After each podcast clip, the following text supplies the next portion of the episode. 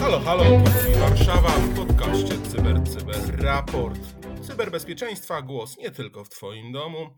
Witam Was Cyprian Gutkowski. Dzisiaj krótkie, szybkie informacje na temat tego, co ostatnio działo się w związku z cyberprzestrzenią.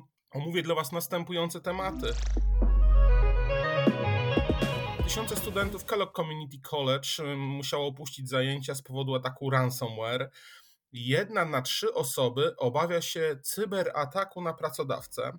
F5 ostrzega przed krytycznym błędem umożliwiającym zdalne wykonanie kodu w systemach Big IP, czyli Big IP. Błędy w AWAS, antywirusy EVG mogły ułatwić ataki na miliony urządzeń. Korea Południowa dołączyła do struktur cyberobrony NATO i jak fake newsy z Ukrainy służą przestępcom, czyli przegląd tak naprawdę różnego rodzaju fake newsów, które mają miejsce, a związane są z sytuacją na Ukrainie.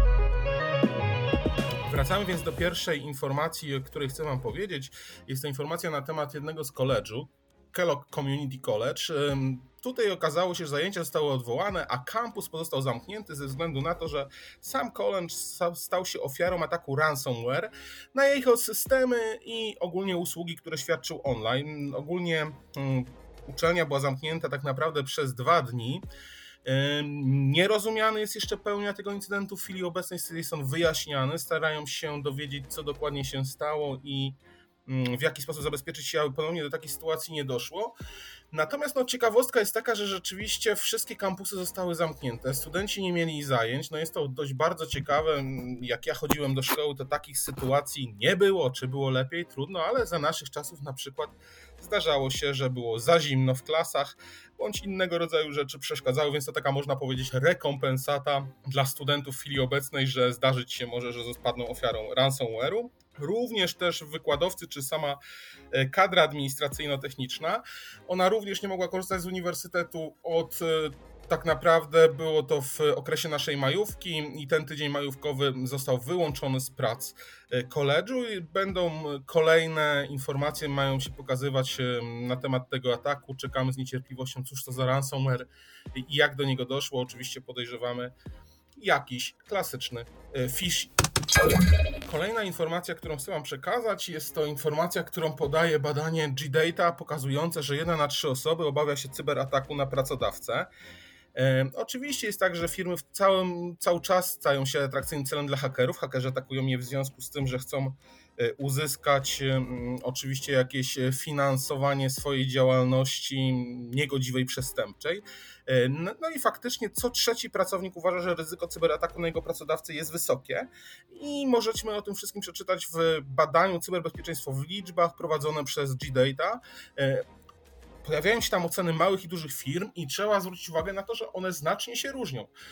Rzeczywiście te mniejsze firmy, one dochodzą do wniosku, że atak na ich infrastrukturę jest mało prawdopodobny, natomiast jeżeli już spojrzymy na te mm, duże firmy, to tam ponad 44% pracowników ocenia, że ryzyko cyberataku na pracodawcę jest bardzo duże. No, trzeba pamiętać, że właśnie te małe firmy cały czas są na przekonaniu, że przecież oni nie są atrakcyjni, cóż tam moja mała firma, a właśnie to chyba jest błąd, bo w chwili obecnej dużo bardziej atakować jest te mniejsze, które są mniej zabezpieczone, zdecydowanie mniejszymi środkami można spróbować je zaatakować. I co więcej, one też nie będą się umiały obronić, co więcej, bardzo często nie mają też różnego rodzaju zabezpieczeń odtworzeniowych, czyli nie mają takiego planu ciągłości działania, w związku z czym e, bardzo często mogą chcieć zapłacić okup. Oczywiście my nie zachęcamy do płacenia okupu, bardziej do stworzenia właściwych planów ciągłości działania i bycia na to przygotowanym, no ale wiadomo, na wszystko potrzeba pieniędzy i świadomości, więc my tę świadomość mm, dajemy. Kolejna informacja, informacja, że F5 ostrzega przed krytycznym błędem umożliwiającym zdalne wykonywanie kodu w systemach Big IP i tutaj dostawca usług aplikacyjnych właśnie F5 ostrzegł, że została zidentyfikowana krytyczna luka w zabezpieczeniach, która umożliwiała e, osobom nie będącym uwierzytelnionym dostęp do sieci i wykonywanie tam dowolnych poleceń w systemach Big IP. E, F5 Big IP jest to połączenie oprogramowania i sprzętu, które zostało zaprojektowane z myślą o kontroli dostępu, dostępności aplikacji i rozwiązaniach bezpieczeństwa, czyli tak naprawdę interfejs y, programistyczny, który używany jest do komunikacji między urządzeniami F5 a użytkownikami. Luka jest identyfikowana jako CVE 2022 1388, a jej ocena ważności wynosi 9,8 na 10 według Common Vulnerability Scoring System, więc jest bardzo wysoka. No, jest to dość ciekawa luka, w związku z tym, jeżeli ktoś to posiada, powinien jak najbardziej zainteresować się e, tą kwestią. Zapraszamy, odsyłamy oczywiście do linków nasz, pod naszym e, podcastem. Kolejna informacja na dziś. Badacze z firmy Sentinel One zajmujący się bezpieczeństwem punktów końcowych odkryli dwie poważne luki w zabezpieczeniach produktów antywirusowych firmy Avast i EVG. Według Sentinel One te dwie luki, które są oczywiście znane, CVE 2022 26 522 i CVE 2022 26 523, dotyczyły zarówno programów antywirusowych, jak i AVG. Jak wiemy, Avast przejął AVG w 2016 E, I wady tak naprawdę dotyczą współdzielonego sterownika antyrootkitowego. Tak? Dziury w zabezpieczeniach zostały tak naprawdę zgłoszone już w firmie Avast w grudniu i zostały załatane e, w lutym wraz z wersją 22.1 e, ale musimy być przygotowani na to, że nie każdy uaktualnia swoje systemy antywirusowe, tak? Więc tutaj się może okazać, że w dalszym ciągu mamy do czynienia z tym, że luki te umożliwiają atakującym eskalację uprawnień i umożliwiają wyłączenie produktów zabezpieczających oraz nadpisanie komponentów systemu, czy też uszkodzenie systemu operacyjnego lub wykonywanie innych złośliwych operacji bez żadnych przeszkód. No, bardzo istotne jest to, że te luki właśnie działają tak naprawdę od dekady. Co prawda sam Avast e, twierdzi, że oni nie zauważyli wykorzystania tych luk, no jednak e, bardzo istotne jest to, że teraz, kiedy one stały się bardziej znane, należy bardziej zwrócić uwagę na aktualizację swojego oprogramowania. Korea Południowa dołączyła do struktur cyberobrony NATO.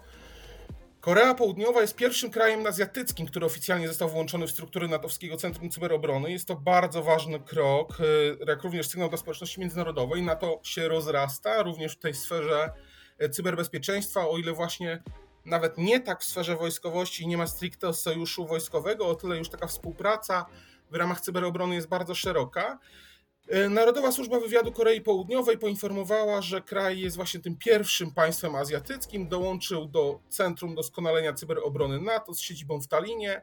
E, wszystko oczywiście odbyło się zgodnie z procedurami i wymogami formalnymi. Nie jest to skutek tak naprawdę wojny na Ukrainie, ponieważ planowane było już od 2019 roku, kiedy Seul złożył wniosek o przystąpienie mm, do cyberobrony, do, do Centrum Doskonalenia Cyberobrony. Kraj ten, jak Korea, cały czas również angażował się w działania podejmowane przez e, NATO, w tym między innymi brał udział też w największych ćwiczeniach na świecie z zakresu cyberobrony Lockshield od, 20, od 2020 roku. E, kolejna informacja i tak naprawdę już ostatnia, jaką przygotowaliśmy dla Was na dziś, jest o tym, jakie fake newsy pojawiają się, a w zasadzie jakie też phishingi pojawiają się w internecie w związku z sytuacją na Ukrainie. E, pojawia się klasyczny przez, klasyczne przestępstwo tak naprawdę polegające na jakiejś e, szokującej informacji, która pojawia się w mediach społecznościowych, najczęściej na Facebooku, I tutaj dostajemy informację, że na przykład e, czołgi właśnie rosyjskie przekroczyły polską granicę, jesteśmy atakowani, czy też inne jakieś bardzo drastyczne wideo. W ten sposób, e, klikając oczywiście na te, taki phishing, wchodzimy, musimy podać swoje kredensiale do z, z social mediów, tam podajemy te kredensiale, no i okazuje się, że podajemy tak naprawdę przestępcom. Przejęte w ten sposób konta były wykorzystywane do dalszego rozpowszechniania zarówno tych fake newsów, jako informacji na, na tym koncie, oraz wyłudzania pieniędzy oczywiście od znajomych ofiary, które dostawały różnego rodzaju linki na Messengerze e, po to, że potrzebujemy wsparcia, zapłaty za jakąkolwiek e, usługę, czy też e, głosowania za złoty 50 w konkursie fotograficznym, czyli klasyczne oszustwa, z którymi mieliśmy do czynienia od dawna, natomiast tutaj rzeczywiście taką bazą tego jest sama sytuacja na Ukrainie i jakaś sensacyjna z tym związana informacja, czy to, że Putin atakuje Polskę, czy też, że Putin umiera. Cały szereg różnego rodzaju informacji można znaleźć. Oczywiście klasycznym e, oszustwem jest też coraz więcej fałszywych e, zbiórek internetowych. Tutaj rzeczywiście prowadzony jest ich cały szereg, podające się jako wsparcie dla Ukrainy. Jeżeli chcemy wspierać Ukrainę, zwracajmy uwagę właśnie na to, co tak naprawdę, gdzie odsyłają nasz te zbiórki. Najczęściej oszuści podszywali się pod serwis pomagam.pl, y, który we współpracy z fundacją Nasz Wybór prowadzi taką klasyczną zbiórkę pod adresem pomagam.pl solidarni z Ukrainą. Zazwyczaj był kopiowany dokładnie wygląd właśnie tej zbiórki i tam, tam były dokonywane oszustwa. No ale pojawiło się też um, wydanie nigeryjskiego spamu w wariancie ukraińskim, czyli tutaj mamy do czynienia, zwraca się do nas, pisze do nas maila nieznany Ukrainiec czy też Ukrainka posiadający oczywiście miliony dolarów, miliony euro czy też miliardy hrywien, które należy wyprowadzić z Ukrainy w związku z tym, że mamy do czynienia z wojną. Jeżeli chcemy, żeby część tych pieniędzy stała się nasza, to jak najbardziej powinniśmy wpłacić jakąś określoną część, żeby e, uwiarygodnić swój bank, dzięki czemu zarobimy grube miliony. Klasyczny nigeryjski przekręt, czyli ten e, książę nigeryjski w ukraińskim wydaniu ma się bardzo dobrze, więc także na to zwracajcie uwagę i na to uważajcie. Wczoraj też był dzień hasła, czyli przypominamy, że należy te nasze hasła mm, tworzyć w bezpieczny sposób, mieć długie i trudne hasła, E, oraz e, jak najczęściej dbać o to, żeby powiedzmy przechowywać je w jakimś bezpiecznym miejscu. Mogą to być menadżery haseł, czy mogą, może być to nasza głowa, ale hasła powinny być skomplikowane i bezpieczne, więc również o tym Wam przypominamy. E, bądźcie cyberbezpieczni. Cyber Cyber raport na dziś to już ten ostatni w tym tygodniu, ale od poniedziałku po raz kolejny E, ruszamy z Cyber Cyber Raport, gdzie dostaniecie kolejną porcję najświeższych wiadomości z obszaru cyberbezpieczeństwa. Dziękuję Wam bardzo, było mi bardzo miło e, przekazać Wam tę informację. E, Cyprian Gutkowski i do usłyszenia w kolejnym podcaście Cyber Cyber Raport.